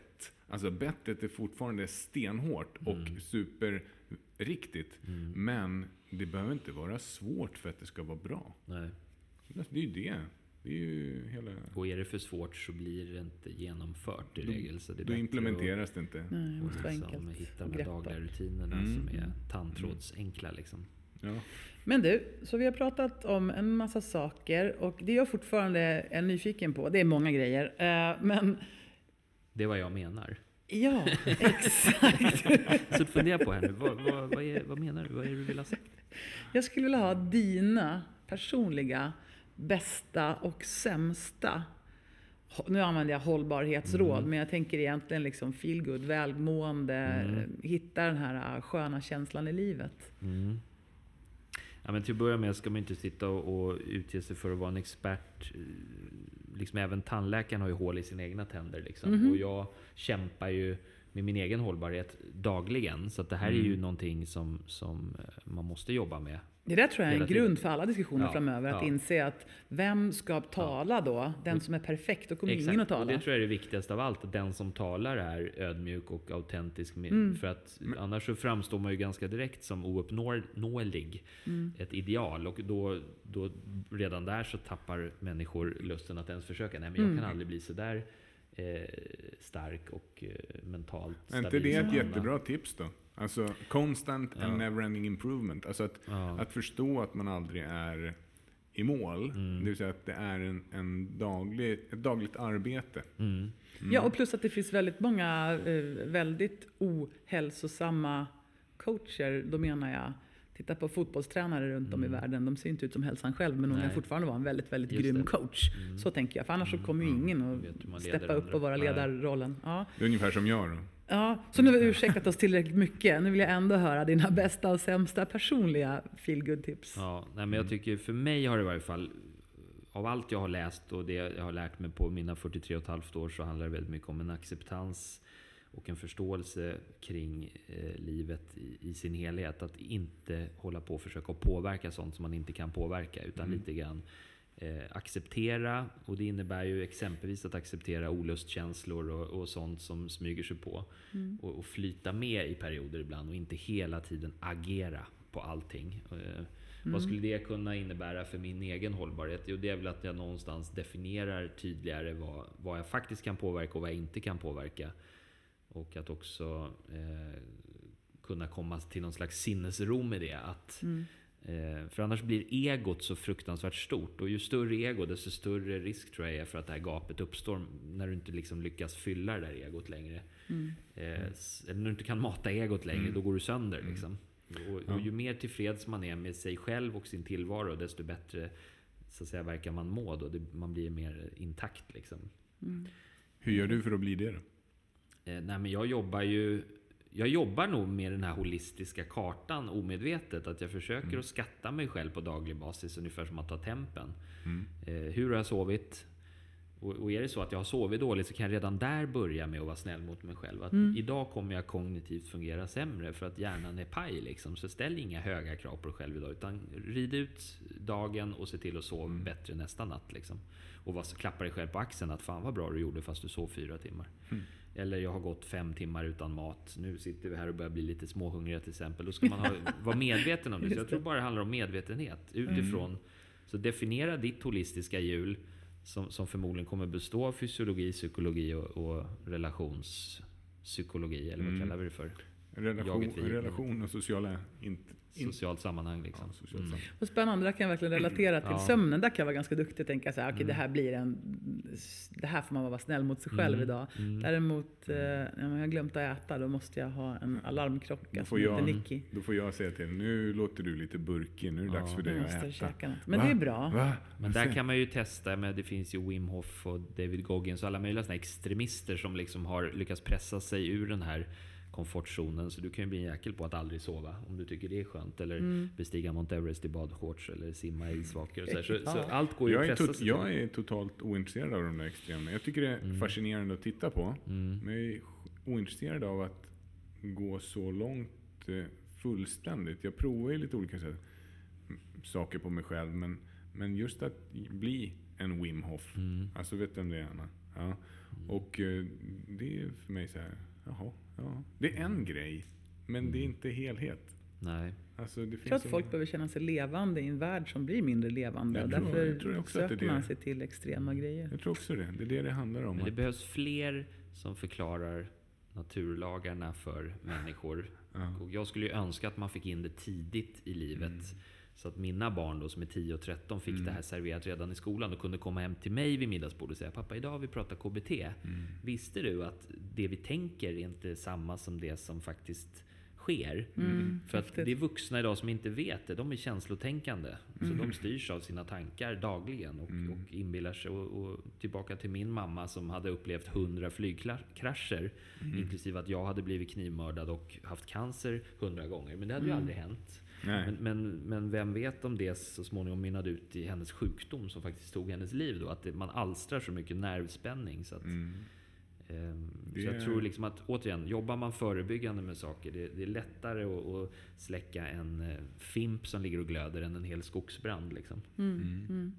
Bra uttryck. Sant. Och det får sammanfatta den här stunden med det lilla metaforen. Det var en ganska bra metafor Ja. faktiskt. Just det, att hitta. Och, och då måste man ju vara ganska... Du har ju Corona nu som ett exempel när någonting får pan, pandemisk status. Liksom. Vad Ja. svårt det är. Man måste liksom eh, sätta ett helt land med 60 miljoner invånare i karantän för att det är utom kontroll. Vi får se vart det här tar vägen i Sverige också. Så att säga. Det eskalerar ju rätt fort. Liksom. Jag läste igår att det också pågår en infodemi. Ja, ja, ja visst. Det skriver jag under på. Som ju Herregud. inte precis stärker hälsan i sig. Folk är ju, livrädda nu. Jag, slog, Många. jag sökte i morse på hur många har tillfrisknat från Corona. Mm. Det, det är liksom, man hittar en 80% artikel på tio. Ja. Ja, nej, men Mm. alltså, det är ju, nu ökar ju tillfrisknandet Ja. hela tiden. Och det är Mm. alla människor, det är hemskt med alla som dör och så vidare. Men det är fortfarande så att man, vi är ju hotdrivna människor. Mm. Vi, vi fokuserar på hot, vi fokuserar på det jobbiga, eländiga Mm. i våra amygdala. När den triggas igång så är det svårt att se någonting annat. Och då Mm. gäller det att försöka hjälpa sig själv att se den andra Mm. delen också. Vi får se vad det här tar vägen. Men förutom att det är hemskt sorgligt för de som drabbas hårt av Corona så tror jag att vi övriga som drabbas av effekten av Corona kommer nog... Det här kommer nog bli en nyttig eh, lektion eh, för väldigt många människor. Det här blir en body scrub på samhället tror jag. Där man liksom kommer skilja på vad som är need to haves och nice to haves. Ja. Och eh, när allt ruskas om samtidigt. Börser kraschar, fastighetsmarknaden. Vi får se vad allt tar vägen. Liksom. Mm. Eh, Men vi, vi kommer nog vakna upp ur det här så småningom och känna att vi vet mer om vad som är viktigt på riktigt. Liksom. Spännande. Du är ju doppad i vår holistiska utbildning Mm. eh, och du är ju en eh, både erfaren och påläst människa. Så jag tänkte checka av med dig. Vi skulle prata om bland annat hållbara människor och även om helhet och holism. Ja. Eh, utan att ha någon som helst tanke på vad som är rätt och fel så vill Mm. jag höra dina egna personliga saker. Mm. Om vi pratar om vår holistiska modell med alla tårtbitarna. Mm. Ja. Vad tror du är det viktigaste när det gäller sömn och vila? Återhämtning. Vad som är viktigast med sömn. Mm. Du får svara med ett ord nästan, eller en mening. Eh, och ställ frågan så jag begriper den fullt ut. Bara, vad, för att komma till rätta med sin sömn, eller vad som är viktigast med sömn. Okej, bra. Eh, jag tänker så här. Är vi för i ett dig, sömnproblem redan? Eller är vi, för dig. Jaha, Ja. okej. Ja. Ja, men då tar vi för dig, där Ja. du är. Mm. Du sa att du tidigare har haft sömnproblem. Vad är det viktigaste för dig med sömn, vila och återhämtning? Vad behöver du hålla koll på för att liksom ha balans? Jag behöver hålla koll på min grundspänning. Ja, det är den Eh, som är den, viktigast. Jag skulle säga att en god sömnhygien byggs upp under, ett helt, under, under den vakna tiden på dygnet. Så att säga. Så att Ja. För mig handlar det om att lägga mig på en mjuk kudde rent mentalt och att jag inte tar med mig Mm. allt skit in i sovrummet. För att har du olösta konflikter med dig själv så ploppar det gärna upp när du sluter ögonen. Liksom. Så att, eh, är man lugn, Mm. no mind så att säga, för att citera samurajerna, då, då somnar man ju oftast. Utan Det var nog det bästa sömntips jag hört på länge faktiskt. Vad var Tack. det? Vad sa jag då? Jag har redan glömt. Du sa... Det du får lyssna på i Det podden. och rökheroin. Nej, förlåt. Nej, jag skojar bara. Och där är heroin Just det, främst. precis. Ja. Eh, precis. Renat. Du har sett den Ja, sketchen? eller? Johan Glans. Underbart. Eh, Nej, men, eh, mat, kost, näring. Mm. Viktigast för dig? Har du något Ja, sånt som du alltså brukar det där är ju tänka för på? första ett område som jag behöver mycket mer kunskap. Jag har nog hållit mig till en ganska enkel modell. Jag försöker lyssna på vad kroppen behöver och, Mm. och, och liksom lära mig av mina misstag. Så jag har dragit ner på gluten och dragit ner på vita mjölprodukter, pasta och sådär. Liksom och, och försöka äta ren, rent protein och rena blanda upp med vegetariskt och äta liksom mycket, mycket Mm. grönt och liksom följa den grundliga kostcirkeln på något sätt och inte krångla till det för mycket. Är du en Stockholmsflexitarian? mer... Ja, fast jag försöker äta lite mer regelbundet sådär. Att jag inte hoppar över mellanmål och så utan Mm. inte får de här dipparna så mycket. Tränar ju mycket liksom, så jag försöker att mata min kropp med bra bränsle liksom. Mm, grymt. Träning, vad är det viktigaste för dig? Eh, Hålla koll på. För mig är det viktigt att träning blir bra fysiskt Mm. och eh, avslappnande psykiskt. Så att säga. Det får inte bli en stress i sig att hinna till gymmet. Då hoppar Hellre jag hoppa hellre över ett pass. Ja, fuck hell yeah. Liksom. Ja. Sätt dig hellre på kvarterskrogen och ta ett halvt glas vin och bara Mm, jag håller med så mycket. djupandas en stund. Liksom. Och det tror jag är en sån där finding att, att prestera träning. Liksom. Att, att Mm. vi ska hinna med sex pass i veckan. Och så blir du tokig i huvudet av det. Liksom. Mm. Då är det inte värt ett smack. På tal om det du sa om sömnen där, det brukar jag tänka på. Ja. Att ska jag trycka in ett träningspass nu Ja. och riskera att Ja. jag bara exploderar i huvudet när Ja. jag ska sova? Mm. Men jag har ju varit med om tillfällen där jag faktiskt har prioriterat träning före sömn. För Mm. jag, in, jag har liksom gjort en kalkyl med det och sagt att hellre fem timmar i nattsömn Mm. en riktigt skön liksom, mör-känsla i kroppen när jag vaknar då. Mm. Så, att, så det, det där är en, en eh, kalkyl man får göra med sig själv. Lite Det kan vara lite olika. Liksom. Mm. Mm. Tankemässigt? Tankar? Den är den svåraste för att vi vet så lite om vår hjärna fortfarande och den är så svår. Jag brukar säga det är som en vild, vild hingst liksom. Man ska försöka att tygla. Den stegrar sig rätt vad det är. Och, Absolut. Eh, och det, du kan ju läsa bö- hundratals böcker och vara hu- 100% fokuserad och så smäller det till en bomb här utanför. Så, eller ramlar ner några brädor så är du liksom försatt i affekt på Mm. en sekund. Så där måste vi verkligen vara ande över materia. Liksom. Mm. Eh, Men, men för mig handlar det nog väldigt mycket om att förstå kopplingen mellan jag gillar KBT till exempel. Jag tycker NLP också är häftigt utifrån mm. prestationstänk och modellering och sådär. Men, men just bara för att få vardagen att gå ihop så tycker jag just att förstå KBT-triangeln. Liksom. Mm. Det börjar med en tanke. Ja, var kommer den ifrån då? Ska jag försöka stoppa den här forsen eller ska jag bara låta den forsa och liksom ställa mig vid sidan om? Att förstå tankeflödet och att det är väldigt lite av det som du de facto behöver eh, hänga upp det på. Liksom. Och kan du förstå det, då behöver du inte heller ta dina känslopåslag så, på så stort allvar. Och Nej. när du slutar göra det, då, då krymper spöket under sängen. Eh, Men, men matar Precis. du monstret så växer det. Så det där det gäller ju väldigt, väldigt mycket. Och framförallt när du hamnar i en stressspiral så där, då kan du mata det där monstret till hur stort som helst med katastroftankar och allt vad det är. Liksom. Mm, definitivt. Så för mig är det viktigt. Jag är lite liksom bär på en viss form av generaliserad ångest och lite katastroftankar och kan få ett sånt orospåslag. Och det där är ju superviktigt att tygla när man jobbar som entreprenör och, och med försäljning. Det är liksom dagliga utmaningar kring det. Mm, Liksom. just det, att hålla på och Ja. tänka det man Ja. behöver tänka för att få känna det man behöver känna. På tal om det då, hur, hur gör du för att sätta dig själv i ett visst eh, mindset? Eller då tänker jag mer så här, i en viss känsla. Har du något knep Då för vill liksom... också försöka att få ner liksom till ett fåtal dagliga rutiner liksom, istället för att så att det varken blir hackat eller malet om du ska försöka göra allting. Men, men för mig tror jag det väldigt mycket styrs av den fysiologiska påverkan på, på psyket att, att lära sig andas. Liksom. Mm, just det. Eh, andningen är ju jättecentral, har man ju förstått. Liksom. Mm. Och där kan jag komma på mig själv med att hålla andan ibland. Liksom. Vad fan händer? Jag har inte andats. Liksom. nu pratar jag också så fort så jag knappt hinner att dra ner luft hela vägen. Och det gör ju att man blir stissig. Liksom. Ja, jag får gå djupandas sen. Så andningen tycker jag är ett bra ankare. För det är ju någonstans det enda du kan bära med dig in till det sista dödsögonblicket. Så om du kan lära dig andningsankaret liksom och f- jorda dig och förankra dig med hjälp av andningen. Då har du ett väldigt bra meditativt redskap som du kan bära med dig överallt. Och tittar jag på min mamma som tyvärr drabbades av ALS då, där ingenting funkar till slut förutom andningen. Och till slut funkar ju inte andningen heller. Men det var ju det sista hon behövde koncentrera sig på. Andra sidan.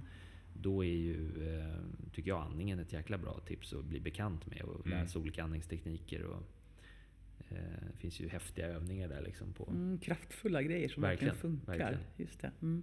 Har du testat tapping någon gång? Eh, tapping, ska man strypa sig själv så man svimmar? Och så? Nej. Ta- Nej, du tänker det. på tap-out? Okej. Tap out. Nej, jag har inte gjort det. Är det någon så här ma- ma- sadomasochistiskt? Eh, Jag ska visa dig sen, det är fantastiskt. Ja, men vi, Emotional freedom teknik. mm, mm, vi, vi klättrar över på relationstårtbitarna. mm.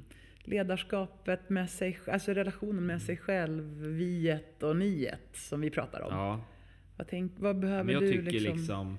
att börja med att förstå sig på sig själv. Liksom. Annars blir nästan allt annat omöjligt. Om Mm. man börjar inifrån och ut istället för utifrån och in. Liksom. Mm. Och jag tror att många idag som framstår som väldigt duktiga ledare saknar en bra relation Mm. med sig själva. Då. Men hur gör man det då? Ehm, hur, hur lär man sig mer om sig själv? Hur förstår man, Man sig måste på? nog studera och, och liksom ta tid med sig själv framförallt. Inte bara liksom åsidosätta sig själv. Ja, inte bara Så, så flåsa när på. många som får frågan om vilka är dina bästa vänner och vilken är din viktigaste relation och så radar de upp det ena. Men relationen till dig själv då? För att säga, ja just Mm. det. Så, så jag tror man kan börja sätta sig själv. Det är ungefär som sitt ekonomiska sparande. Liksom. Att börja med att betala 10% till dig själv. Sen betalar du räkningarna. Ja, vad bra. Hoppsan, Just det. Vattenfall fick inte betalt den här månaden. Ja, men då får de väl stänga av elen då. Men då har du åtminstone Ja. gett dig själv lön först. Liksom. Så tycker jag det är lite med själavård och sådär också. Att Det var ju jättebra. och är du chef så måste du på något sätt sätta på dig den här syrgasmasken själv först innan du kan sätta på den på andra. Det, det är liksom... Eller förälder. Så, så jag tror ju liksom psykisk ohälsa drabbar ju väldigt många chefer idag. Ja. Just för att du förväntas då att kunna ta hand om alla andra och du hinner inte ens med dig själv. Liksom. Det är just som att det. vara förälder ungefär. Liksom. Och det nämnde ju doktor Maria också, Mm. att eh, det är många läkare som själva mår väldigt, väldigt Mm. Ja. dåligt och så ska man ändå då leda andra in i Ja. hälsa och det blir knepigt. Och sen är det ju också så att det ibland är lättare att hjälpa andra. Ja, vi har det i oss på något Eh, sätt. Liksom, eh, faktiskt, då får du på ett sätt en stund för att slippa det, bort från dina egna problem. Liksom. Mm, just det, slipper man kolla på det. Men, men så jag tycker liksom relationen till sig själv, den är A och O. Eh, sen är det inte säkert att du kommer till bukt med allt, men jag tror ändå man ska ha någon form av medvetenhet om sina svagheter och Mm. styrkor och, och eventuella brister och så här innan man kan börja leda andra. Mm. För då kan du också ta bort det där egot framför ditt ledarskap på något sätt och inte känna att du hela tiden behöver spegla dig i, i andra utan Det, det är ett tufft arbete. Jag Mm. tänker att tuffa tider också är en bra lärare. Att gå igenom tuffa tider kräver ju av dig att eh, det händer ju saker. verkligen. Eh, ja. ja, vad spännande. Jag tycker vi har fått så jädra många bra metaforer. Eh, och även väldigt många... Stackars Nicky som ska klippa det här sen. Mm, precis. Men sjukt spännande att höra. Det kanske kan bli ett avsnitt till. Vem vet? Ja. Där vi eh, babblar vidare om det här. Verkligen, Snart gärna. är du också utbildad coach. Då kan vi Ja, snacka exakt. coachspråk Då tillsammans. Ja, då, då snackar vi Nej, men grejer. alltså, det man ska vara ödmjuk inför är att man är en lär, lärjunge i det här. Mm. Alltså, jag väljer att bara våga öppna mig och prata om mina egna eh, iakttagelser. Mm. Men att tillskansa sig någon form av makt kring det här och säga jag är expert. Alltså, det handlar det inte om. Nej. Utan det handlar om att våga, våga påverka och Mm. våga engagera. Sen får gärna någon höra av sig och säga att nej, så där är det inte Magnus. Du sitter där och snackar skit liksom och gör det märkvärdig. Jag har inget problem med det, för jag är inte här för min skull faktiskt. Utan jag, den enda skulden i det här, det är att jag, jag får drivkraft av det här. Jag känner purpose. Och det har jag faktiskt ärligt saknat tidigare i livet. Så att, eh, jag har jobbat med grejer som jag inte har känt mig lika engagerad i. Men det här är så jäkla religiöst övertygad om att det är ett jobb som behöver göras. Ja. Och mm, det håller mig, that keeps me going liksom. Kul. Jag plockar upp en av de absolut bästa böckerna jag någonsin läst på eh, icke-dömande.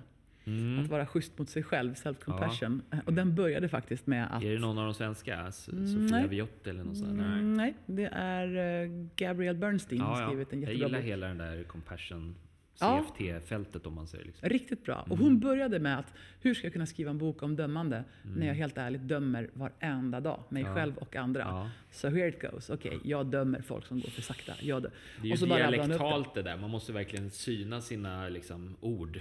Ja, men och det blir För- samtidigt så här att ja, men om bara de får tala som är fläckfria, då kommer vi inte ha några böcker. Då kommer vi inte ha några inspiratörer. Nej, då blir nej. det tyst. Eh, vi måste liksom få tala medan vi jobbar själva, Mm. tycker jag. Annars blir det väldigt tyst. Nu är det så här att vi behöver gå och fylla på näringsförrådet, eller hur? Annars Eh, och eh, oholistisk balans. Ja, det är inte bra. Tack så förbaskat mycket för att du tog dig tid att komma hit. tacka. Jätte, Förutom att ni sitter i Kor- Korpilombolo så är jag ju extremt ärad av att få vara med i det här. Ja, det var ju den lilla biten då. Vi får komma till dig nästa Knivsta gång. what? Ja. du ser. Nej, Tack. Fantastiskt, super, tack själva. Mange, tusen Ja, tack. tack så jättemycket. Eh, och tack Nicky och tack jag. Ja. Och vi ses om en vecka igen, eller hur? Ja, och så säger vi Hej då! hej då! Hej då! Och som vanligt så kan ni följa oss på sociala medier på www.formholistic.com, vår hemsida. Ni kan också följa oss på Instagram på @formholistic och samma sak på Facebook. Och dessutom så kan ni följa oss på Form Holistic Leadership på LinkedIn. Och vill ni följa Hero och Mange, då gör ni det på hero.se. Och jag skulle starkt rekommendera att ni följer Magnus och Hero på LinkedIn. För där kommer ni få massa bra fakta och roliga saker som händer. Så det är ju, det är bara att göra det. Bara gjort, helt enkelt. Och just det, signa upp på deras nyhetsbrev.